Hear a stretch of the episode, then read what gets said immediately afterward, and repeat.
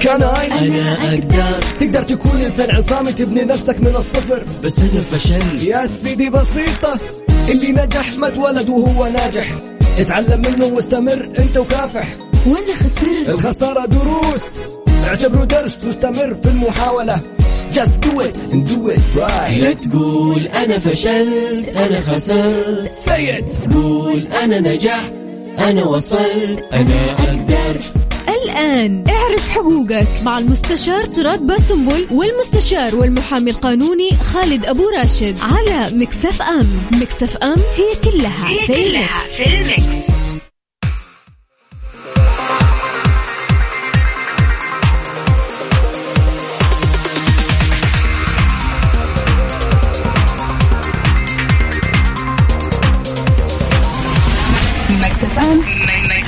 Saudi's number one hit music station. تبي تسمع أغاني جديدة؟ ولا تبي تعرف أكثر عن الفنانين؟ مو بس الفنانين حتى أخبار الرياضة. كل الأخبار اللي تحب تسمعها ومواضيع على جوك. كل اللي عليك إنك تضبط ساعتك على ميكس بي أم ميكس بي ام مع غدير الشهري. من الأحد إلى الخميس عند السابعة وحتى التاسعة مساء على ميكس اف ام اعرف حقوقك مع المستشار طراد باسنبل والمستشار والمحامي القانوني خالد أبو راشد على ميكس اف أم. ميكس اف أم هي كلها في ال Mix. هي كلها في ال Mix.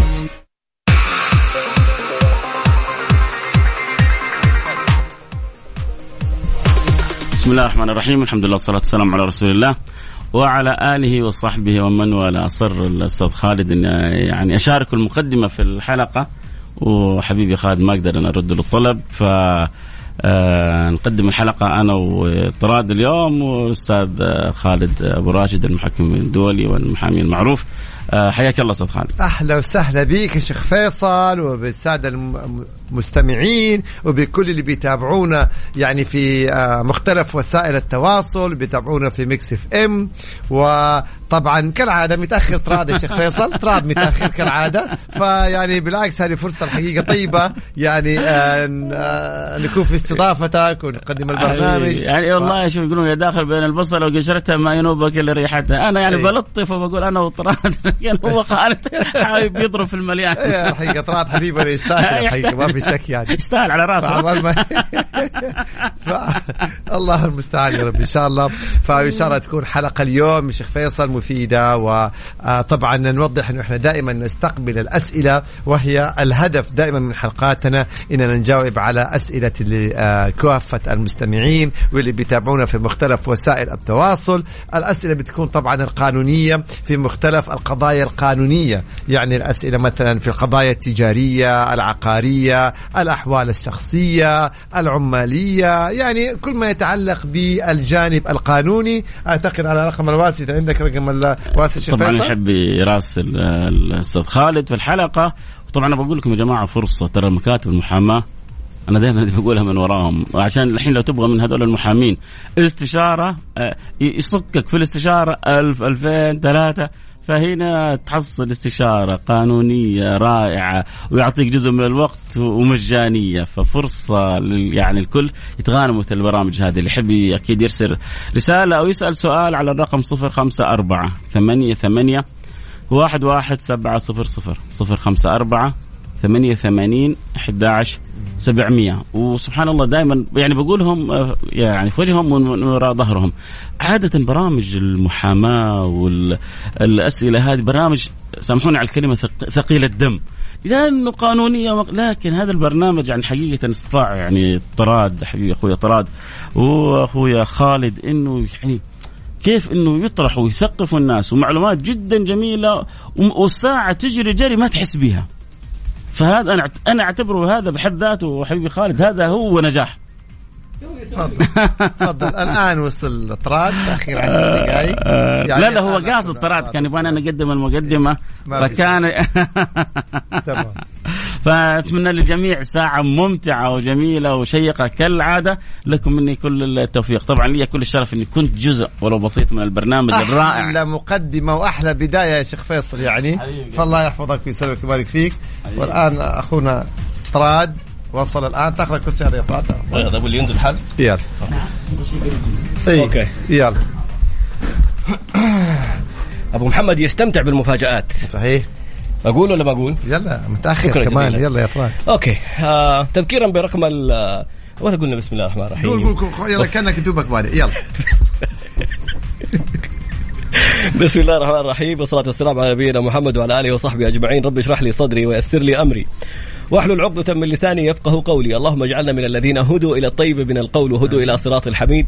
اللهم علمنا ما ينفعنا وانفعنا بما علمتنا وزدنا يا رب علما. عسى أن يهديني ربي لأقرب من هذا رشدا. على الله توكلنا. ربنا آتنا الحكمة وفصل الخطاب. ربنا آتنا رحمة من عندك. وعلمنا من لدنك علما. إنا إن شاء الله لمهتدون. نحن نبدأ. طيب. رقم الواتس؟ أرقام الاتصال على الواتساب. ارسل رسالة مكتوبة لا ت- تترك لنا رسالة صوتية عشان ما نقدر نسمع. رقم الهاتف هو. هو. صفر خمسة أربعة ثمانية ثمانية واحد واحد سبعمية. صفر خمسة أربعة ثمانية ثمانية واحد واحد سبعة صفر صفر.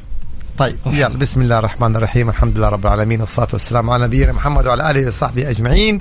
طيب اليوم نبغى نتكلم عن جزئية بسيطة وهي ميزة دائما برنامجنا إنه يتابع الأحداث يطراد أول بأول. لو تلاحظوا في الأسبوعين الماضية شخص صدم سيارة بشكل متعمد وتم القبض وشخص آخر حرق سيارة شخص فالشخص الآخر راح للشخص الأولاني وفي معرضه ويعني يعني وعمل له إتلاف في السيارات. فهذه المسألة هنا في لبس على البعض.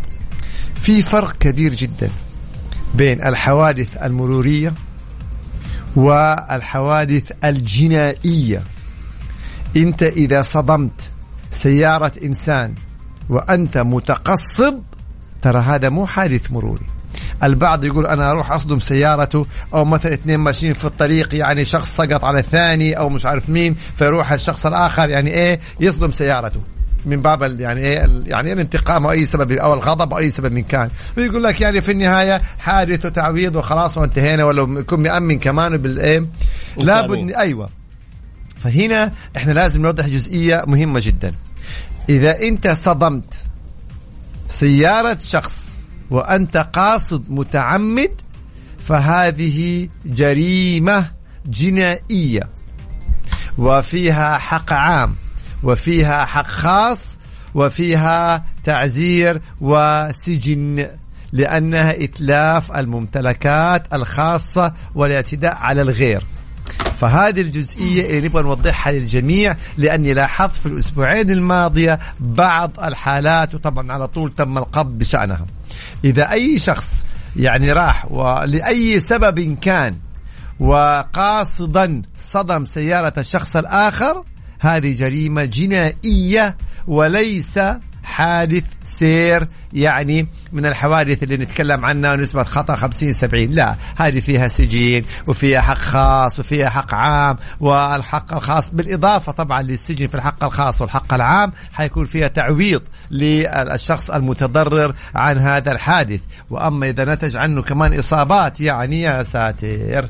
ف... حق عام يعني حتى لو الرجل تنازل يبقى الحق العام. حق الحكومة. يعني أيوة. الحكومة تطالب إنه مثلا تعزير الرجل ولا معاقبته ولا بالضبط. بالضبط. فلذلك يعني البعض هو بيقود السيارة في الطريق يطراد ينفعل لسبب ما يروح صادم.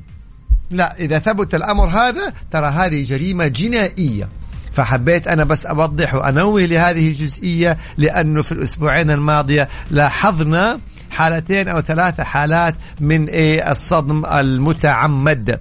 وطبعا لما حص أيضا آه، لاحظنا في تم القبض إنه شخص راح حرق سيارة شخص آخر والثاني حرق سيارة شخص آخر. طبعا هذه جرائم جنائية وموجبة للتوقيف وعقوباتها طبعا تقديرية من السجن. هذا في الحق العام والسجن في الحق الخاص. ودفع كامل التعويض عن الأضرار التي نتجت عن هذه الأفعال. طبعا يعني أنا أبغى أوضح جزئية أخرى لو أنت حرقت سيارة شخص آخر وتسبب هذا الحريق في وفاة لك. في وفاة فأنت في جريمة قتل أوف.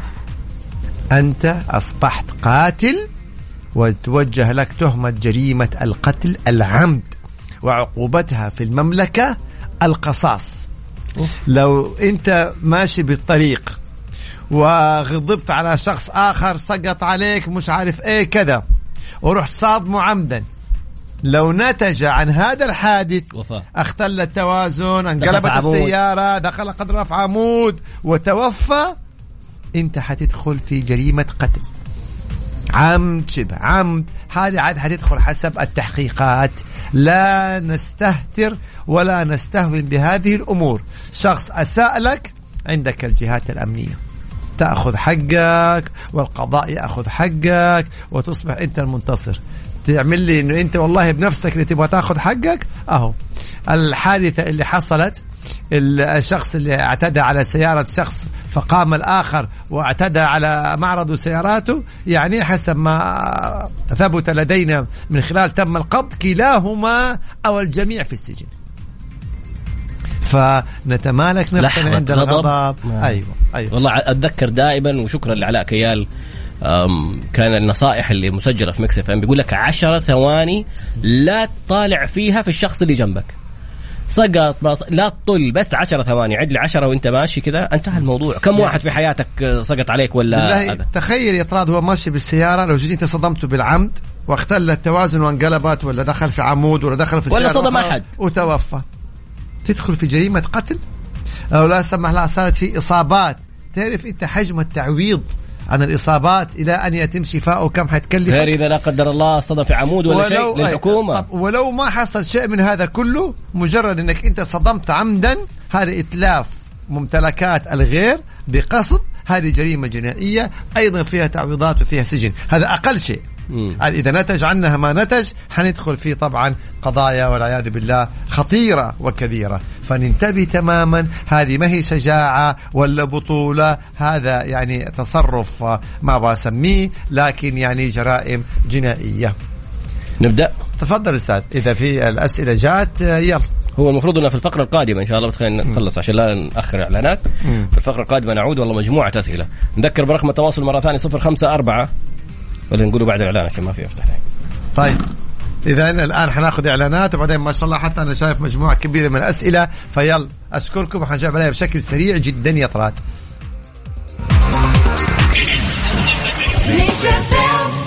يا محامينا ما فهمت يعني. طيب يلا أهلا وسهلا بكم. طبعا هنا جانا سؤال مباشر يقول سب الموظف العام. السب في حد ذاته جريمة. موظف عام موظف خاص شخص لا هو موظف ولا يحزنون. السب في حد ذاته جريمة يعزر صاحبها بالتعزير شرعا والتعزير شرعا قد يكون سجن أو غرامة أو كلاهما. فمتى ما ثبت فعل السب يعني بشهود بكاميرات بإقرار. فهنا طبعا دخلنا في جريمة وتعزير شرعا من سجن وغرامة أو إحدى هاتين العقوبتين. هذا إذا كان السب إيه بالشكل المباشر. أما إذا كان السب والشتم من خلال وسائل التواصل في تويتر وفي السناب وفي ال groups لا يبقى هنا دخلنا في جريمة معلوماتية. فننتبه لهذا الأمر. والجرائم المعلوماتية طبعا عقوباتها تصل إلى سنة سجن و500 الف ريال غرامه بالحد الأقصى أو إحدى هاتين العقوبتين وإن كان على طريقة يعني مقطع فيديو ممكن ندخل في إنتاج. ودخلنا إلى خمس سنوات سجن كحد. أقصى و3 مليون ريال كحد أقصى أو إحدى هاتين العقوبتين. فنحذر تماما لسانك حصانك. الرقم 054 88 11 700 054 88 11 700 آم، شخص يقول في عقدي مكتوب وتنفيذ جميع ما يطلب به من ما يطالب به من مهام. هل هذه جملة قانونية ولا لا؟ يعني جملة لا قيمة لها. هذه الجملة لا قيمة لها. ليش؟ لأن نظام العمل أوجب على العامل أن ينفذ أوامر صاحب العمل المشروعة المشروعة اللي في حدود وظيفته. ما هي وظيفتي؟ وما هو مسمى وظيفتي؟ وما هي المهام الخاصة بهذه الوظيفة؟ إذا أنا كموظف أو كعامل في القطاع الخاص ملزم بإني أنفذ الأعمال أو المهام الخاصة بوظيفتي. أما أن يأتيني صاحب العمل ويطلب مني مهام خارج عن إطار وظيفتي والله. بحكم أنه هو مدير ولا بحكم أنه هو صاحب عمل فبإمكانك إنك أنت ترفض تماما هذه الطلبات وتلتزم بالمهام الوظيفية. فلا يحق لصاحب العمل أن يأتي ويقول بس إحنا كاتبين في عقد العمل إنك تنفذ أي طلبات أي طلبات يعني أي طلبات في الدنيا مثلا. يعني يلا ما, ما صارت هذه يعني. فطبعا هذا الشرط لا قيمة له. العبرة بالمهام الوظيفية الخاصة بالوظيفة التي عينت عليها في عقد العمل. طبعا هنا لا يحق له إلا في حالة الضرورة. الأخوان بيتابعوا هنا الضرورة. ما هي الضرورة؟ يعني آه، تفسيرها يعني آه، واسع جدا. هل هي ضرورة حريق مثلا أمر طارئ آه، شيلوا البضاعة كذا؟ أوكي. فهذه الضرورة وتقديرها يعود للقضاء العمالي جميل. أحد يقول إيش اسم برنامج أستاذ فيصل الكاف وإيش اسم برنامجكم؟ برنامج أيوة. أستاذ فيصل الكاف اسمه النظارة البيضاء من الساعة واحدة للساعة 2 كل يوم من الأحد إلى الخميس. مم. ويوم الجمعة ما أعرف إذا لسه الموجود حق آه، هات يدك ولا إيش كان اسمه؟ تمام. آه، بعد صلاة الجمعة. ال- آه، برنامجنا اعرف حقوقك. كل خميس من الساعة 2 للساعة 3 بعد أنا الشيخ فيصل. أسئلة جدا كثيرة طلعت يبغى نختصر؟ يا ريت والله. طيب يلا. طيب آه، طريقة تقديم شكوى ضد بنك بسبب مماطلة في إفراغ العقار. هل في محكمة تجارية أو العامة؟ لا طبعا هنا بيكون يقول قدمت في البنك المركزي ما جاوبوا طيب غالبا بتكون في المحكمة العامة لأن قضية إفراغ عقار فغالبا أنه أنت أخذت قرض من هذا البنك وسددت القرض ويفترض أنه مع نهاية آخر دفعة أن يلتزم البنك بالإفراغ فتتقدم بدعوة في المحكمة العامة لإلزام البنك بالإفراغ هذه. سؤال جميل يقول لك. أنا في شركة خاصة جاني عرض وظيفي من شركة ثانية راحت شركتي الحالية أعطوني عرض ثاني بإيميل رسمي إنه من شهر سبعة حيعدلوا لي الراتب آه الجديد بالعرض الجديد. إلى الآن لم يتم التعديل إحنا الآن في شهر 11 يعني إذا هل هو أرفع قضية بحكم الإيميل هذا؟ الآن هو مستمر في عمله لدى الشركة. أي. ثم جاءوا إيميل سيبك من الشركة الأخرى مم. من شركته. في هذا راتبك. الإيميل أيوه النص مم. سوف نرفع لك راتبك. اذا بتاريخ معين. أي. إذا حل هذا التاريخ وما رفع وما رفعوا الراتب نعم بإمكانك إنك أنت تتقدم بشكوى إلى القضاء العمالي وتطالب بإلزام هذه الشركة بزيادة راتبك. ليه؟ لأنه صدر قرار وتبلغت بهذا القرار من خلال الإيميل إنهم حيزودوا راتبك في تاريخ معين. اذا هنا يجب على الشركة أن تلتزم بالإيميل الصادر منها وزيادة الراتب. جميل السؤال ده. أيوه. يقول لك آه، قبل شوي كنت تتكلم عن اللي يسب شخص في قطاع عام. في القطاع في أي قطاع. okay. بس في في آه، يعني لأن غرامات. السب في حد ذاته جريمة. لأن لا في قاعدة أخرى في قرار آخر خصوصا للممارسين الصحيين. لأنه مم، جات مم. حالة طارئة ل- لولادة وولدها دكتور طبيب رجل راح زوجها قتل الرجل. بعدها طلع قرار ال- ال- الغرامات على الممارسين الصحيين في لها رقم ما أدري مليون وفيها سجن وفيها أشياء ثانية. فالغرامات المفروضة هذه هل هي للحكومة ولا للمتضرر؟ دائما كلمة يطراد ها كلمة غرامة لمين؟ الحكومة دي الحكومة تعويض لمين؟ للمتضرر. اذا لما نقول غرامة هذه للحكومة ولما نقول تعويض هذا للشخص. البعض يقول طب الغرامة راحت الحكومة أنا إيش استفدت؟ ما أنت عندك العقوبة الحق الخاص. الحق الخاص ممكن يكون فيها سجن. وممكن إنك أنت يعني مقابل أن تتنازل عن هذا السجن أو المطالبة بالسجن إذا اصطلحت معه على مبلغ فهذا حق من حقوقك يعني. فكل واحد ياخذ حقه.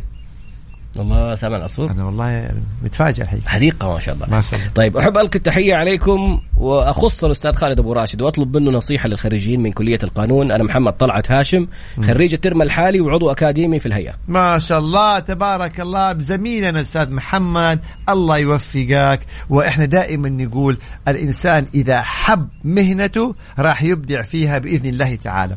فلا بد إحنا في مهنة القانون إذا إحنا حبيناها يبقى هذا أول يعني خلينا نقول إيه سبب أدافع بإذن الله تعالى. ليه؟ لأنه أنت إذا حبيت المهنة معناه ما حتلتزم بدوام ولا حتلتزم بنطاق أو بمكان حتلاقي نفسك عندك شغف. يعني تأدي العمل في أي أوقات وحتجد نفسك بتتابع كل ما يتعلق بالقوانين والأنظمة. يبقى هذه بداية حتكون قوية جدا. اثنين لابد إنك أنت تتحلى بالصبر.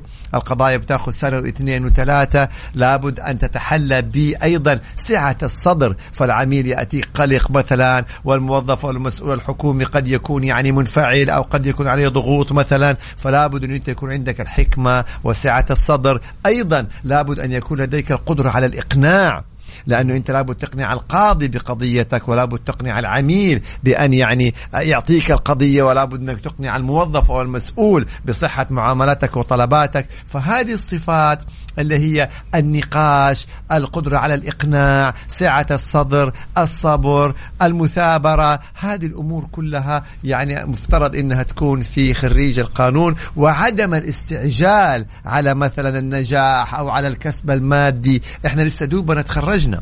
فالأستاذ يعني بأمر الله تعالى بأمر الله يا رب المستقبل أمامك طويل. فنأخذها خطوة خطوة. أحيانا التسرع يكون نتائجه لا قدر الله يعني وخيمة. فناخذها خطوة خطوة.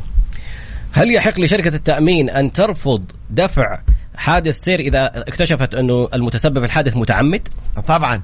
هنا نرجع للعقد. وعقد شركات التأمين في له شروط وفي له الكثير من الشروط التي تسقط حق إيه؟ الشخص آه، صاحب التأمين. فمثلا بتقول إنه لازم يبلغ خلال مثلا مدة معينة أيضا لابد إن هو ما يتنازل عن حقه إذا كان مثلا نسبة الخطأ على الطرف الآخر. فأيضا من الأسباب إذا كان متعمد أنا أروح لشركة تأمين مثلا وهي تأمن على سيارتي وأروح أصدم السيارة وأقول لشركة التأمين يلا تعالي أمني لي. فإن ثبت ذلك طبعا يتلغي التأمين. وهذه مو بس في السيارات ترى حتى في الحريق. إذا ثبت مثلا شخص عنده خسارة فراح حرق المستودع. وهذه يعني بتحصل.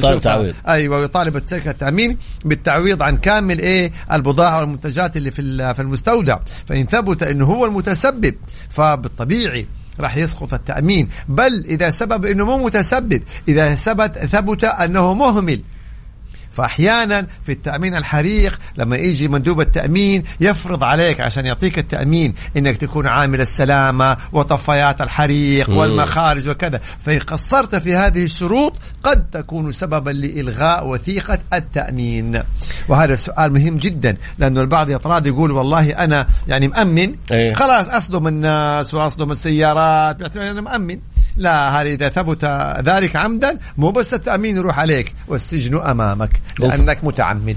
هذا السجن عشان حاجة جنائية وكمان. التعويضات تصير على حسابك. حق عام وحق خاص. يعني كل الضرر اللي صار التامين ما شاله أنت تشيله. طبعا وإذا كان في إتلاف أيضا للممتلكات الحكومية أعمدة النور أرصفة مش أيضا يدفع التعويض لمين؟ للدولة. في حال تم نقلي داخل فروع المنشأة هل يعتبر العقد السابق ملغي؟ نقلي داخل فروق فروع المنشأة. طب ليش تلغي العقد؟ انت اليوم موظف بتعمل يعني في فرع معين مم. فصدر قرار بنقلك إلى إيه؟ إلى فرع آخر. اذا العقد مستمر. جميل. اللهم اللي تغير فقط لا غير موقع إيه؟ موقع عملك مكان المباشره مم. علما فيما يتعلق بالنقل من مدينة إلى أخرى. إذا كان هنالك شرط مكتوب في عقد العمل لما انت وقعت عقد العمل انك تعمل في اي مدينة من مدن المملكة إذا لا يحق لك الاعتراض إذا صدر قرار بنقلك إلى مدينة أخرى. هل يحق- طالما. أن هنالك عقد شرط مكتوب فين يطراد في العقد. مم. أما إذا ما كان هذا الشرط موجود في العقد فيحق لك الاعتراض. لانك تقول أنا توظفت معاكم في مدينة جدة وما اشترطنا اني أنقل في مدينة أخرى يبقى العبره بعقد العمل هل يحق لي أني أقول أبغى. تعويض عشان أروح المدينة الثانية سكن وأشياء ثانية تعويضات أخرى؟ يعني هنا طبعا نرجع لميش اللي مكتوب في عقد العمل مم. هل مثلا بعض العقود يكون فيها شهر يكون فيها شهرين يكون فيها مثلا بدل نقل نرجع لعقد العمل تم اختاري شفهيا بترك العمل ومتوقع على على يا شباب. ترى إحنا نتكلم في كل القضايا. أنا ملاحظ كل الأسئلة لا ورا بعض. العمالية. يلا. لا بس إيه يعني هذه نقطة جدا. جدا حساسة. تفضل أستاذ طالما حساسة إيه، تفضل. قال له مع السلامة أنت خلاص أنت انتهى عملك معانا. هل السؤال، لازم السؤال. هل لازم تم اختاره شفهيا بترك العمل؟ هل لازم يكون شيء لا ما رسمي؟ في شيء سفهي. أيوة. شفهي لا يوجد سفهي- شيء سفهي لا. اسمه شفهي. ترى قضية اطراد تمام.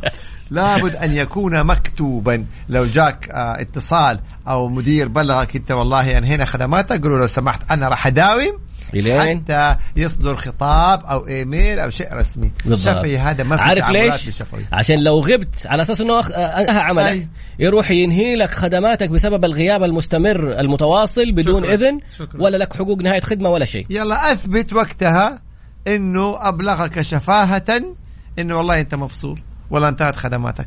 فين الكلام. فلا تعتمدوا دائما. لا في عقد العمل ولا في غير العمل. على الكلام الشفوي. لابد يكون خطي وإثباتات عشان تضمنوا حقوقكم. شوف السؤال العجيب. أحمد السقاف آه، عش كوتش ما شاء الله فبتجيله حالات استشارات. طيب. فبيقول شخص يعلن عن وظائف وهمية بشرط تسجيل البيانات الشخصية في موقع. ثم يهدد النساء اللي ما ينفذوا طلباته بنشر بياناتهم يا وصورهم سلام هذا مبتز. مم. وهذه جريمة ابتزاز. فين اشتكوا؟ وجرائم الابتزاز من الجرائم الموجبة للتوقيف. وأي وحدة تتعرض لمثل هذا الابتزاز المقترن بالنصب والاحتيال فتتقدم بشكوى إلى الشرطة فورا وتقوم الشرطة باستدعاء هذا المبتز وإحالته إلى النيابة العامة. النيابة العامة راح تقوم بتوجيه طبعا إذا ثبت لديها ذلك بتوجيه تهمة الابتزاز ومن ثم يحال إلى محكمة إلى المحكمة الجزائية للعقوبات لإصدار العقوبات عليه. فأحيانا يكون جريمة ابتزاز وأحيانا تكون ابتزاز واحتيال ونصب لما يكون أيضا أخذ فيها إيش؟ فلوس أو مبالغ. وأسمع السؤال هذا أيوة. اللي حيخلي كل إنسان يفكر ينطق بكلمة على ال social media. أيوة. يراجع نفسه ألف مرة. أحسنت. أخ طراد أسأل الأخ الكريم خالد أبو راشد. أيوة. الحين أنا سبيت واحد بتويتر وأقام علي دعوة وأعطيته مبلغ وتنازل. اتصلوا علي المحكمة وقالوا قال لي القاضي تسدد مبلغ عشرين ألف ريال غرامة حق عام. قال لي شيخ إن المعاملة تحفظ. راجعتهم قبل أربع سنو أربع سنوات وثمانية أشهر. بعدين في اتصال قال أنا المدير اتصال عادة الأشياء القضائية تجيب رسائل. قال اتصال جاني وقال فتحت القضية من جديد بالرغم من إني توقفت بالسجن لمدة خمسة أيام وأخذوا كامل أغراضي باستثناء بطاقتي. إيش الحل؟ أنا ما أعرف التفاصيل اللي الاتصال كيف يجي اتصال هذا. عارف الحقيقة السؤال ولكن خلينا نتفق إنه سب شتم شخص عبر تويتر. هذا الشخص تقدم عليه بشكوى وأصبحت هنالك قضية. وإحنا دائما نتحدث القضايا فيها حق عام وفيها حق خاص نظام مكافحة الجرائم المعلوماتية. طيب آه. وطبعا توقف خمس أيام يعني كما ذكر. طيب فجاء الشخص اللي أنسب وتنازل. مقابل مقابل مبلغ. مبلغ. مم. هنا تنازل عن حقه فين؟ الخاص. الخاص. ويبقى إيه؟ حق الحكومة. الحق العام. الحق العام أكتفوا بغرامة. فأحمد الله عز وجل إنها جات على غرامة في الحق العام. كان ممكن على الرغم من تنازل صاحب الحق الخاص في حقه الخاص أن يأتيك حكما بالسجن في الحق العام. فطالما يعني آه، جاتك غرامة فيعني الحمد لله بس إنها يعني هل. ينفع أحد يتصل يقول لي أنا مدير رجعت فتحت هذه قضيه التفاصيل طبعا إذا فتحت القضية القضية تفتح رسميا في ناجز يدخل. رساله في ناجز وجلسات ما في حاجة اسمه أيوة، اللي بيتصل إيه. يقول له ما جاني تبليغ بالضبط يعني هنا جاني سؤال بيقول لو تع... لو الابتزاز لفتاة أجنبية في المملكة القانون في المملكة العربية السعودية يحمي كل من هو موجود على أرض المملكة العربية السعودية سواء كان سعودي غير سعودي مسلم غير مسلم كل ما هو موجود على أرض المملكة العربية السعودية تحت طائلة وحماية القانون في ذات الوقت. okay هذه نقطة جدا كمان هامة. يقول بيني وبين عقد الشركة آه ثلاث سنوات وفي مبلغ باقي ما استلمته. لما رفعت الشركة بعد ثلاث جلسات آه قالوا لي لازم تعيد الشكوى مرة ثانية لأنه مقر الشركة في الطائف وأنا رفعتها في الرياض يعني هو okay هو الآن يقول- رفع يقول لها فروع في الرياض. ثم صدر حكما بعدم الاختصاص المكاني لأنه هي الدعوه مم. تقام في موطن المدعى عليه. فقالوا ارفع الدعوة في إيه؟ البلد اللي فيها مقر الشركة. طيب مم. ما ينبغي. حتى لو عندها فروع في مكان ثاني لازم يكون في المقر. ما إحنا ما نعرف إيش الحيثيات. مم. إحنا إذا في فروع المفروض خلاص يعني. لكن ما نعرف إيش الحيثيات الحكم. عدم الاختصاص المكاني. بالضبط. إنه يعني من, لازم- من حيث انه أيوه. لأنه أنت الأصل أن الدعوة تقام موطن المدعى عليه. يعني أنت اليوم مثلا عندك مؤسسة بتعمل فيها في مدينة الرياض. تروح ترفع عليها قضية في أبها؟ مم. فهنا تقام الدعوة موطن المدعى عليه. جميل. هذا أخونا الفنان متعب سعد. شكرا جزيلا أخوي متعب. يعطيك العافية. آه مرة ثانية هو صاحب الرسالة. بالضبط. حتى الزملاء بيقولوا معنا إنه مفترض إنه بالفرع الذي يعمل فيه العامل. فإذا كان هو لا يعمل في فرع شركة. لا, لا عقد مع شركة. مو يعني إيه عقد طبعا. تجاري ما هو. آه تجاري أي وليس أي. عامل. لا لا تجاري يا أستاذ. معناته خلاص زي ما اتفقنا في موطن المدعى عليه في الشركة. آه هذه الضمانات مرة ثانية والكفالات. أنا لي صديق قال لي في مشروع عن طريق صاحبه أنا أضمنه. قال لي المبلغ آه يضيف مبلغ مني وأحولها كلها للرجال الطرف الثالث. وأنا حولت لصاحبي وهو حولها للطرف الثالث ولم مم. ينفذ المشروع. مم. هل يحق لي أرفع دعوة على زميلي ولا على اللي حولته له المبلغ طيب هنا هنا في سؤال مهم جدا. في فرق بين ما نفذ المشروع وفي فرق بين نفذ المشروع وخسر. حلو. إذا نفذ المشروع لأنه أنت شريك معاه مم. أنت الآن حولت له مبلغ عشان تشاركوا يفترض أنه تكون تشاركوه في الأرباح التجارة ربح وخسارة. فإذا نفذ المشروع وخسر خلاص الجميع يتحمل هذه الخسارة. كما لو نفذ المشروع وربح الكل حيتشارك في الأرباح. أما إذا أخذ الفلوس وما بدأ بالمشروع أصلا إذا هنا هو ما عمل مشروع. إذا عليه أن يعيد كامل المبلغ. ليه؟ لأنه ما نفذ المشروع أصلا. ما بدأ. أخذ فلوس وما سوى شيء. إذا يعيدها. أما إذا أخذ الفلوس وبدأ في المشروع ثم خسر خلاص. هذه الخسارة يتحملها الجميع. هذا الأمر يقودنا إلى أمر آخر يتراد ومنتشر للأسف. إني أجي أنا أشارك إنسان بمبلغ من المال ثم أطلب منه. طب بس وقع لي على سند لأمر بالمبلغ اللي أنا إيه أعطيتك هو. هنا هذا ال- الشرط باطل وضمان رأس المال باطل. أنت إما إنك تدخل معاه شريك يبقى تنتظر الربح والخسارة أو قرض عشان يوقع لك سند لأمر ويرجع لك فلوسك. أما شريك وتوقع على سند لأمر إن ربحت أخذت الأرباح. وإن خسرت يرجع لك رأس مالك هذا شرط الأسد. هذا شرط باطل هو شرط الأسد أحسنت طيب شرط لو باطل. حصل إنه أنا أخطأت هذه صارت مع أحد الأشخاص جاني مم. أرسل سؤال بيقول مم. إنه أنا سويت سندات لأمر في عقود استثمارية مع ناس عندي events هذا خطأ. أشياء. طب سؤال الان أيوه. أيوه. سند الأمر لو راح أقدمه بالمحكمة يقدر يرفض التنفيذ طبعا محكمة التنفيذ حتنفذ سند الأمر يرفع إذا قضية. كان سند تنفيذي سوف تنفذ سند إيه؟ الأمر. مم. ترفع أنت دعوة قضائية منازعة. في أو في منازعة تنفيذية أو في المحكمة التجارية. وتقول إنه هذا أخذ سند الأمر كضمان لرأس المال وهذا لا يجوز. فإذا مم. ثبت للقضاء أن سند الأمر كان ضمانا لرأس المال فهذا السند باطل. أوه. طبعا إذا ثبت مم. للقضاء. أما إذا كان القضاء ثبت أمور أخرى يبقى إيه؟ طب ما يقولوا له أنت ليش وقعت السند؟ لا. عجيب. لا. والله هذه رسالة يعني حتنبه طبعا ناس كثير. طبعا. ما في شيء اسمه. إما أنت شريك يبقى شريك في الربح والخسارة ولا قرض. أما شريك وتوقعوا على سد لأمر. طب يعني كيف؟ والله لو ربح تعطيني ارباح ولو خسرت رجع لي فلوسي. ما صار شراكة هذه ما صارت شراكة. فهذا الشرط باطل. موظف حكومي تم ترقيته على وظيفة في منطقة أخرى وسمح لي في مقر البقاء في المقر. الآن الوظيفة الأخرى المفروض فيها 25% زيادة. تم اختياري في حالة هذه.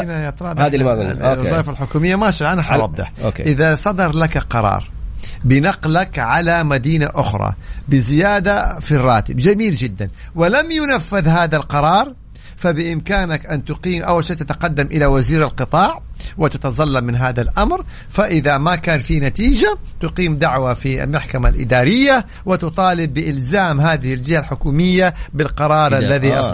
ديوان وهو؟ قرار النقل اللي هو كان ديوان المظالم صار اسمه محكمه اداريه نعم. جميل.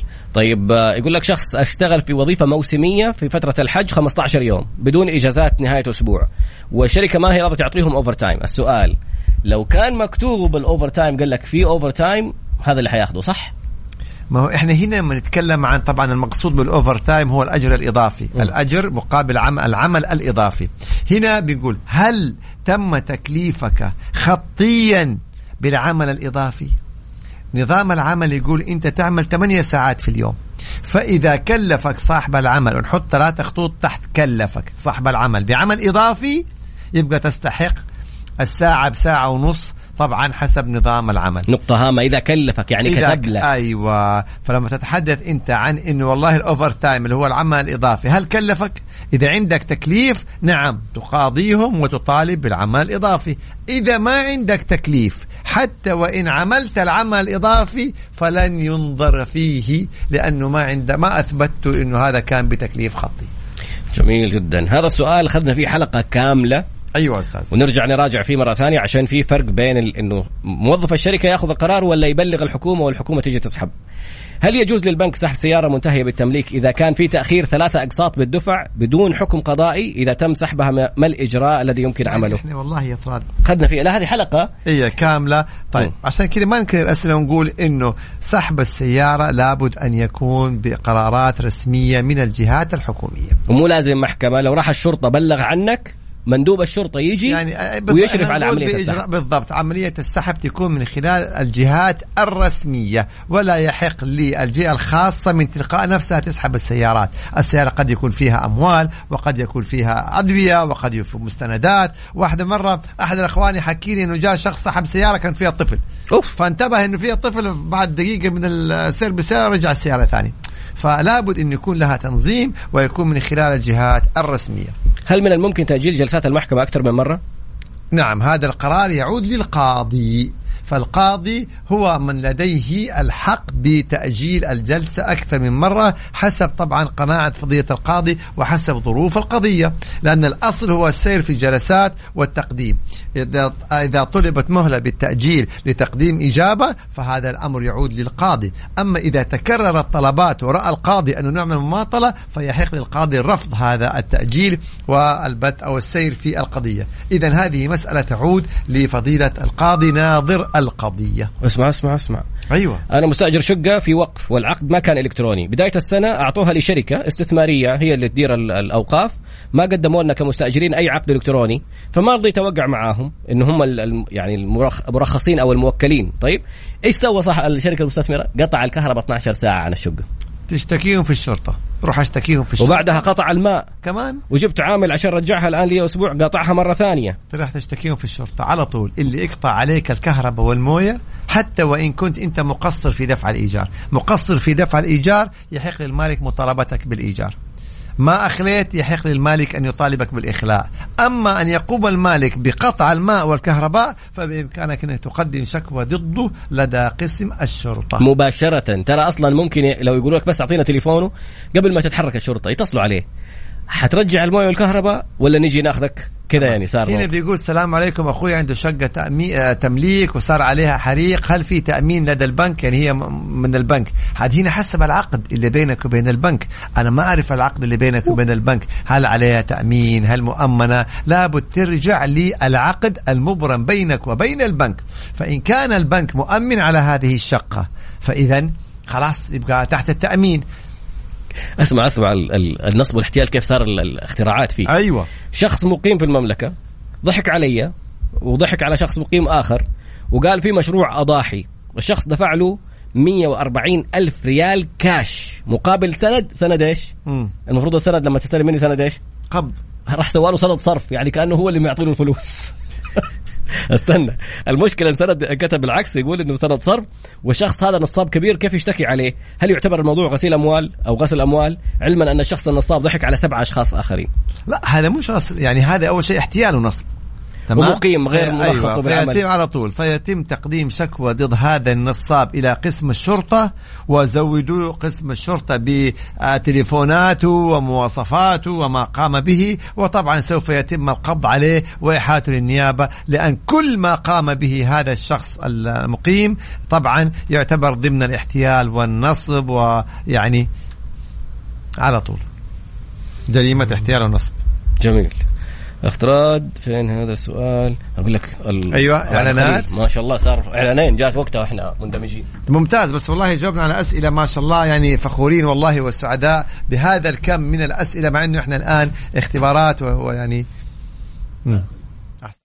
تمام هنا في سؤال من إحدى الأخوات بتقول إذا موظف تحرش فيني كيف أقدر أبلغ ومعايا شهود ممتاز إذا في شهود فتقدمي شكوتين أنا في رأيي شكوى لجهة عملك عشان يتخذ الإجراء النظامي بحق هذا المتحرش. و- وأقلها الفصل. وشكوى لدى الشرطة حتى يتم استدعاؤه وإحالته إلى النيابة ثم المحكمة الجزائية لإصدار العقوبات عليه بموجب نظام مكافحة التحرش. طالما لديك شهود. وأهم شيء أن الشهود مستعدين يجوا يشهدوا معك لدى النيابة ويشهدوا معك فين؟ في المحكمة الجزائية. هذا. أما فيما يتعلق بالتنفيذ فهو بيقول مدة التنفيذ. التنفيذ له إجراءات. تبدأ مثلا بإيقاف الخدمات وبمنع السفر على الشخص المنفذ ضده ثم بعد ذلك يتم آه خلينا نقول آه سحب المبالغ المالية الموجودة في حساباته البنكية لسداد المبلغ المحكوم به. فإذا ما كفت يتم بعد ذلك بيع العقارات. إذا كان لديه عقارات حتى يتم استيفاء كامل المبلغ. فهذه الإجراءات هي إجراءات التنفيذ.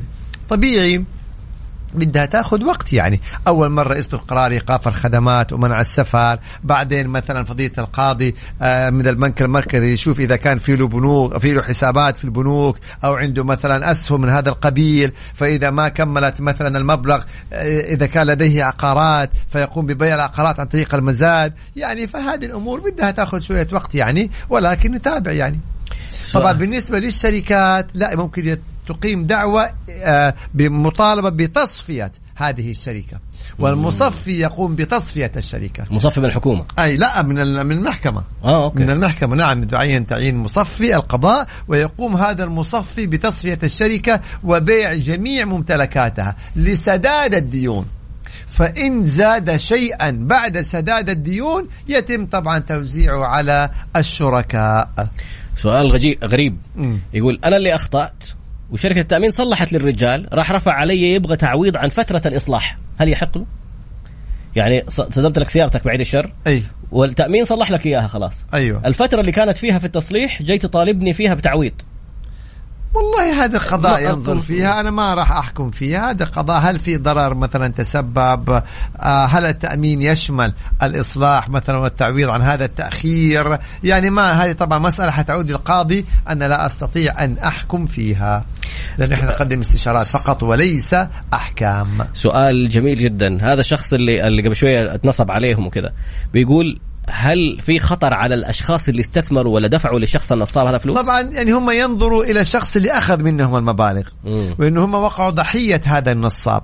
فيعني هذا التركيز الأساسي اللي حيكون القبض على هذا النصاب واحالته إلى النيابة ثم إلى المحكمة الجزائية وحيكون عليه نوعين من الحقوق، الحق الخاص أن يعيد المبالغ لأصحابها والحق العام طبعا من سجن وغرامة.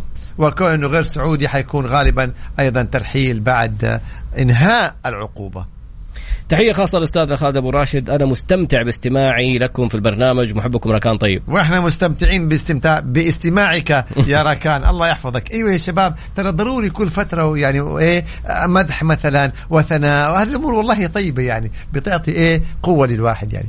بيت ورثة تم بيعه بالمزاد. هل بالإمكان يعترضون على سعر البيع. طبعا هذا يكون مع الشركة المنظمة للمزاد. إذا كان مثلا يعاد المزاد مرة أخرى إذا كان هنالك مشترين هذا الأمر يكون مع إيه؟ مع الشركة المنظمة للمزاد أو المكتب المختص في هذا الأمر من خلال شركة إسناد يعني. جميل السؤال مرة ثانية. واحد له عشر سنوات موظف قدم استقالة يقول يخصموا لي شهرين من حقهم يخصموا لي شهرين؟ هذه زي المادة 77 إذا كنت أنت تبغى لو هم خرجوك حيدوك شهرين. لو. أنت حتخرج تدفع لهم لابد الانذار بالضبط. حقوقك حقوق نهاية خدمتك حتاخذها كاملة مم. حتى وأنت مستقيل أنا بعد 10 سنوات بعد 10 سنوات.